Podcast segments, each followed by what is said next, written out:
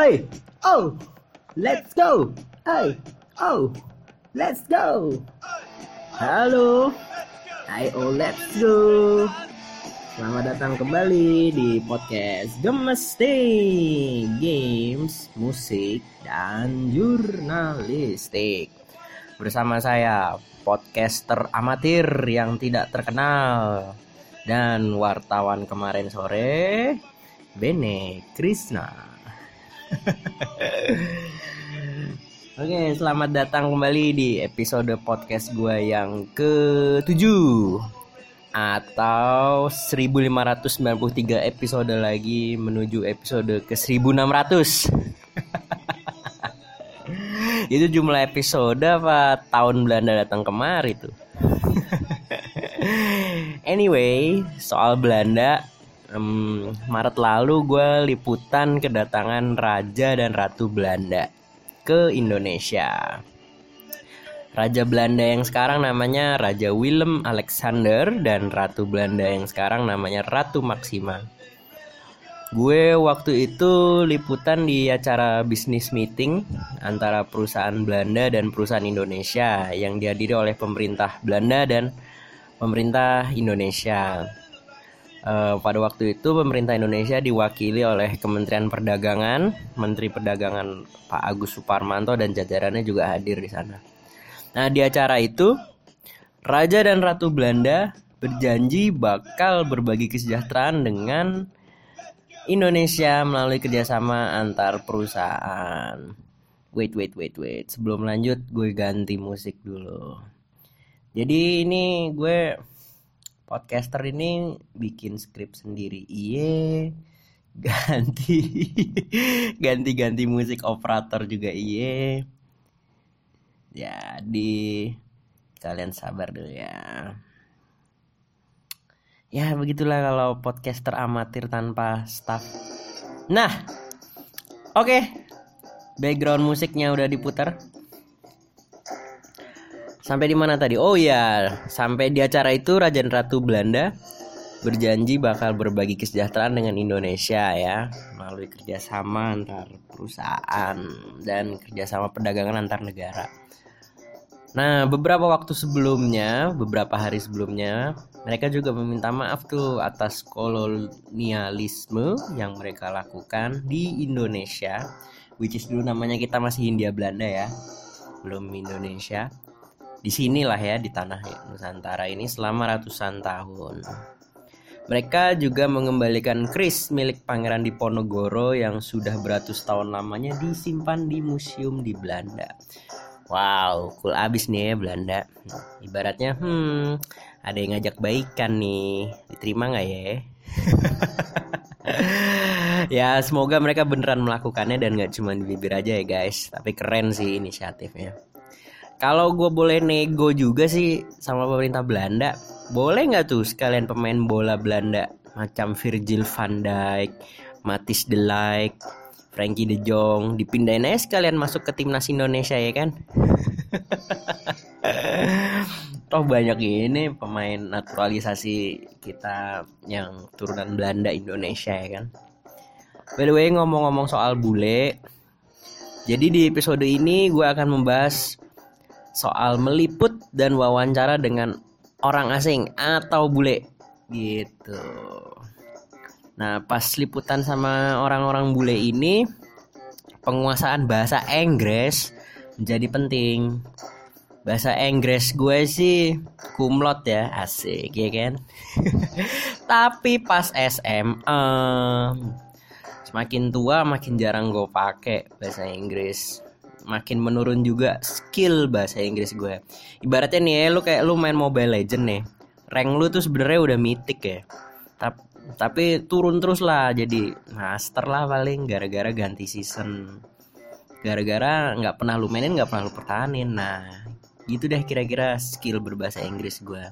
Tapi deep down in your heart lu tahu tuh lu tuh mitik gitu percaya diri lu tuh masih ada gitu, sebagai seorang mitik yo ingat tuh tapi di situ challenge dan asiknya ya kita harus uh, berinteraksi dan wawancara dan membuat koneksi agar berita kita bagus dengan narasumber orang asing itu.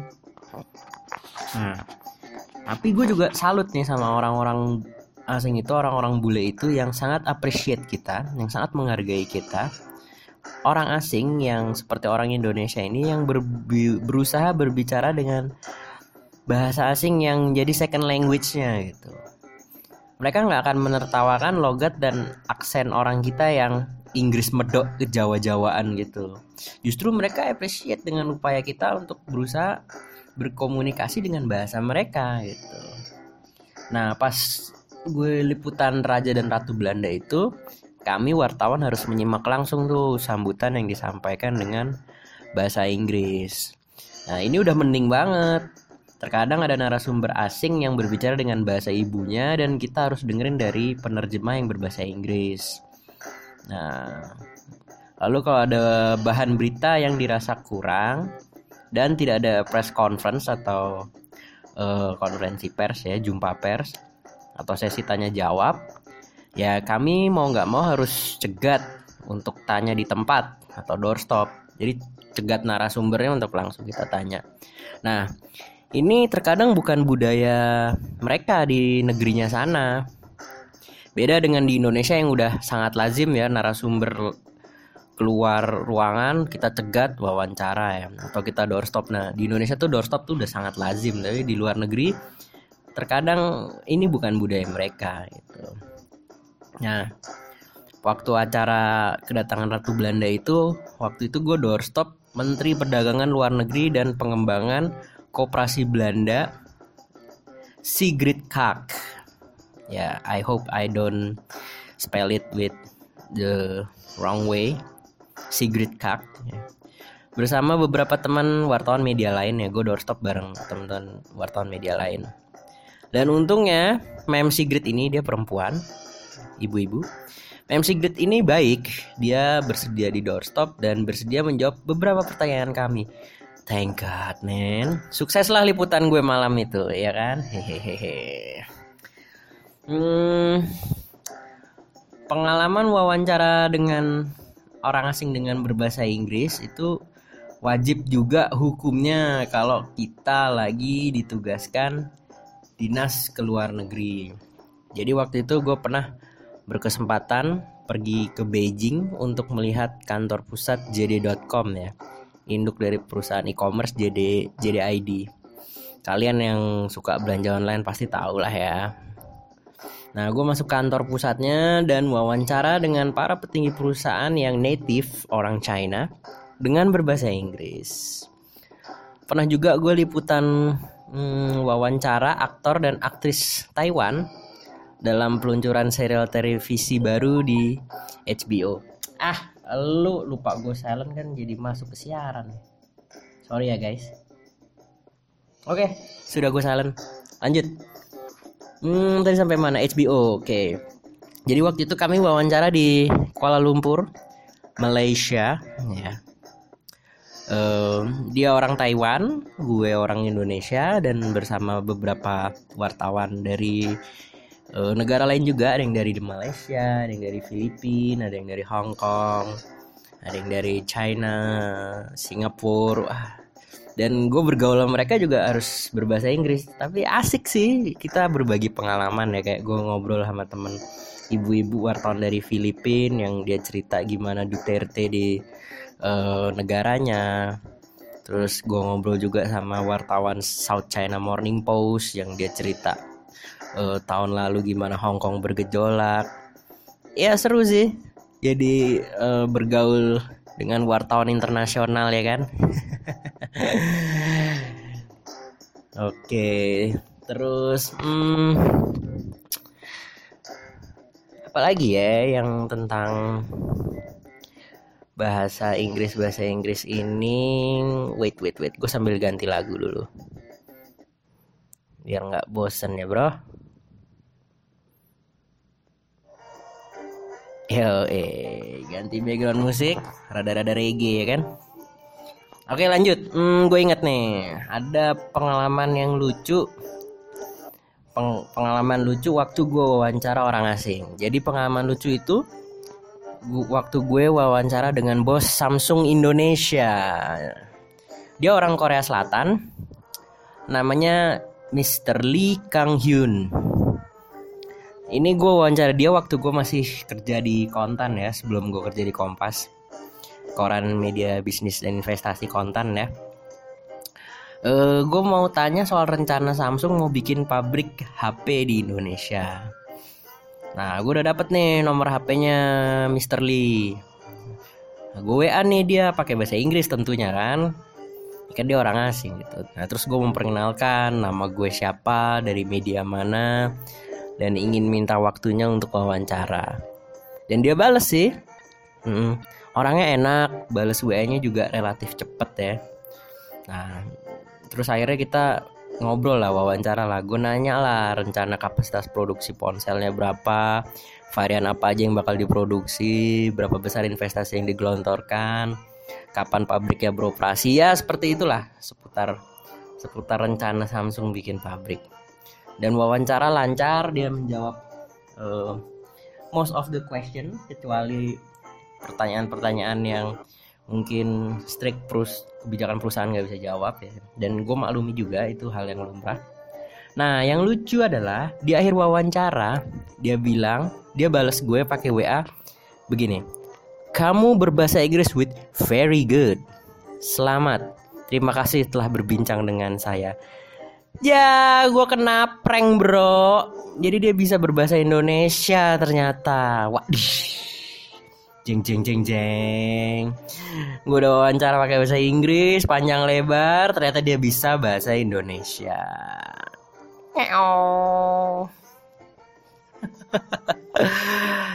Jadi usut punya usut. Mr. Lee ini ternyata udah ditinggal di Indonesia sejak dekade 90-an istrinya pun orang Indonesia pantesan aja lancar berbahasa Indonesianya dia pun mualaf loh jadi he is a such interesting person ya sukses selalu buat Mr. Lee uh, kalau anda mendengarkan selalu menyenangkan ngobrol bersama anda Mr. Lee oke okay. Lalu hmm, ada juga nih pengalaman lucu dan unik tentang wawancara dengan orang asing. Nah, tapi ini bukan gue yang ngalamin, tapi gue menyaksikan sendiri. Jadi ini salah satu teman wartawan dari Jakarta Post. Jadi seperti yang kita tahu ya, Jakarta Post itu kan media lokal, tapi terbit dengan uh, bahasa Inggris ya. Nah, suatu ketika gue dan beberapa teman-teman wartawan, termasuk teman dari Jakarta Post ini, which is gue lupa namanya tapi cowok gitu, kami lunch interview dengan uh, orang India petinggi salah satu perusahaan tekstil di Indonesia. Itu juga gue lupa ya nama orang Indianya siapa ya. Dan perusahaan apa gue lupa itu udah agak lama soalnya zaman gue masih kerja di kontan ya. Nah si bapak orang India ini lancar banget berbahasa Indonesia. Dia meminta kita untuk bertanya saja dengan bahasa Indonesia dia bahkan menolak dibantu translator penerjemah karena dia ingin satu bahasa dengan para wartawan. Wah asik banget nih gue pikir kan? Gak usah ribet-ribet nih pakai bahasa Inggris ya kan? Nah mulai deh nih kita tanya-tanya pakai bahasa Indonesia. Dan dijawabnya juga pakai bahasa Indonesia. Nah ketika kami udah mulai beres wawancara Giliran si temen wartawan Jakarta Pos ini bertanya nih gitu. Dan dia pakai bahasa Inggris. Jeng jeng jeng jeng. si bapak orang India itu pun kaget. Wah, gue bisa bahasa Indonesia kok dia pakai bahasa Inggris ya kan. Tapi dasarnya dia orangnya ramah ya, si orang bapak orang India itu dan tetap diladenin juga dan dijawab juga dengan bahasa Inggris. Nah, kita yang wartawan lokal lainnya pun yang denger jadi bingung lah. Ini ngapain ini temen Jakpos malah nanya pakai bahasa Inggris ya kan? Orang dia bisa bahasa Indonesia. Nah, pas sesi wawancara udah selesai, si bapak narasumber dari Indonesia itu udah pulang. Tinggallah kami para wartawan ini berkumpul untuk bikin berita ya. Kami pun tanya ke teman Jakarta Post itu. Bro, narasumbernya lancar berbahasa Indonesia lo ngapain bertanya pakai bahasa Inggris Lalu jawaban dia mengejutkan kami semua. Kan koran gue pakai bahasa Inggris. Gue tanya dia pakai bahasa Inggris supaya quotes atau kutipan dia langsung pakai bahasa Inggris. Batin gue, bener juga dia ya, cerdas bro. Perspektif yang gak kepikiran kami wartawan berbahasa Indonesia. Jadi dengan bertanya dengan bahasa Inggris, jawabannya berbahasa Inggris, dia kan lebih cepat kerja dan mudah tanpa ditranslate lagi bahasa Inggris gitu. Nice idea, bro. You boleh. gitu. Oke. Okay. Hmm. Jadi kami sebagai wartawan itu memang dituntut ya untuk bisa berinteraksi dengan siapa aja. Mau orang asing, mau orang lokal. Ya, kita harus tetap bisa wawancara dan itu, tuntutan kerja kita. Buat teman-teman yang kerja di uh, sebagai wartawan wire ya atau media asing uh, yang punya cabang di sini kayak Reuters, Bloomberg atau media lokal berbahasa Inggris kayak Jakarta Post, Jakarta Globe itu memang mereka dituntut setiap hari every day speaking and writing in English. Tapi banyak juga teman-teman wartawan lokal yang keder duluan kalau narasumbernya orang asing. ya, jadi begitulah cerita di balik berita tentang serunya wawancara dengan orang asing. Buat gue mau wawancara bule, mau wawancara orang lokal, mau pejabat sampai anak jalanan. Itu sama aja ya. Kuncinya adalah uh, keinginan kita untuk uh, berinteraksi dengan mereka ya Komunikasi bisa dengan berbagai cara dan bahasa, tapi membuat berita yang baik dengan informasi yang bagus itu perlu interaksi yang lebih gitu. Perlu gali lebih dalam yang bisa diperoleh itu informasinya itu bisa diperoleh dengan hanya bisa digali dengan interaksi yang lebih dalam. Siap, sok jago banget gue. Sok ganteng anjir. Oke, okay, sekian dulu rasanya cuap-cuap di episode ini um, katanya podcast yang bagus kalau sendirian ngoceh kayak gue ini memang 15 sampai 20 30 menit ya. Ini udah 18 menit. Rasanya cukup lah ya. Cuap-cuapnya.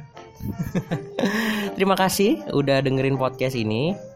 Semoga bermanfaat ya buat kalian buat killing time atau syukur-syukur menginspirasi dan paling enggak hmm, tidak rugi kuota internet ya. Oke, okay. mengutip kata Soleh Solihun, kalau kamu seneng, tolong beritahu temanmu soal podcast ini. Kalau kamu nggak seneng, ya nggak usah bilang-bilang. Ahoy! Oke, Bene Krisna cabut dulu.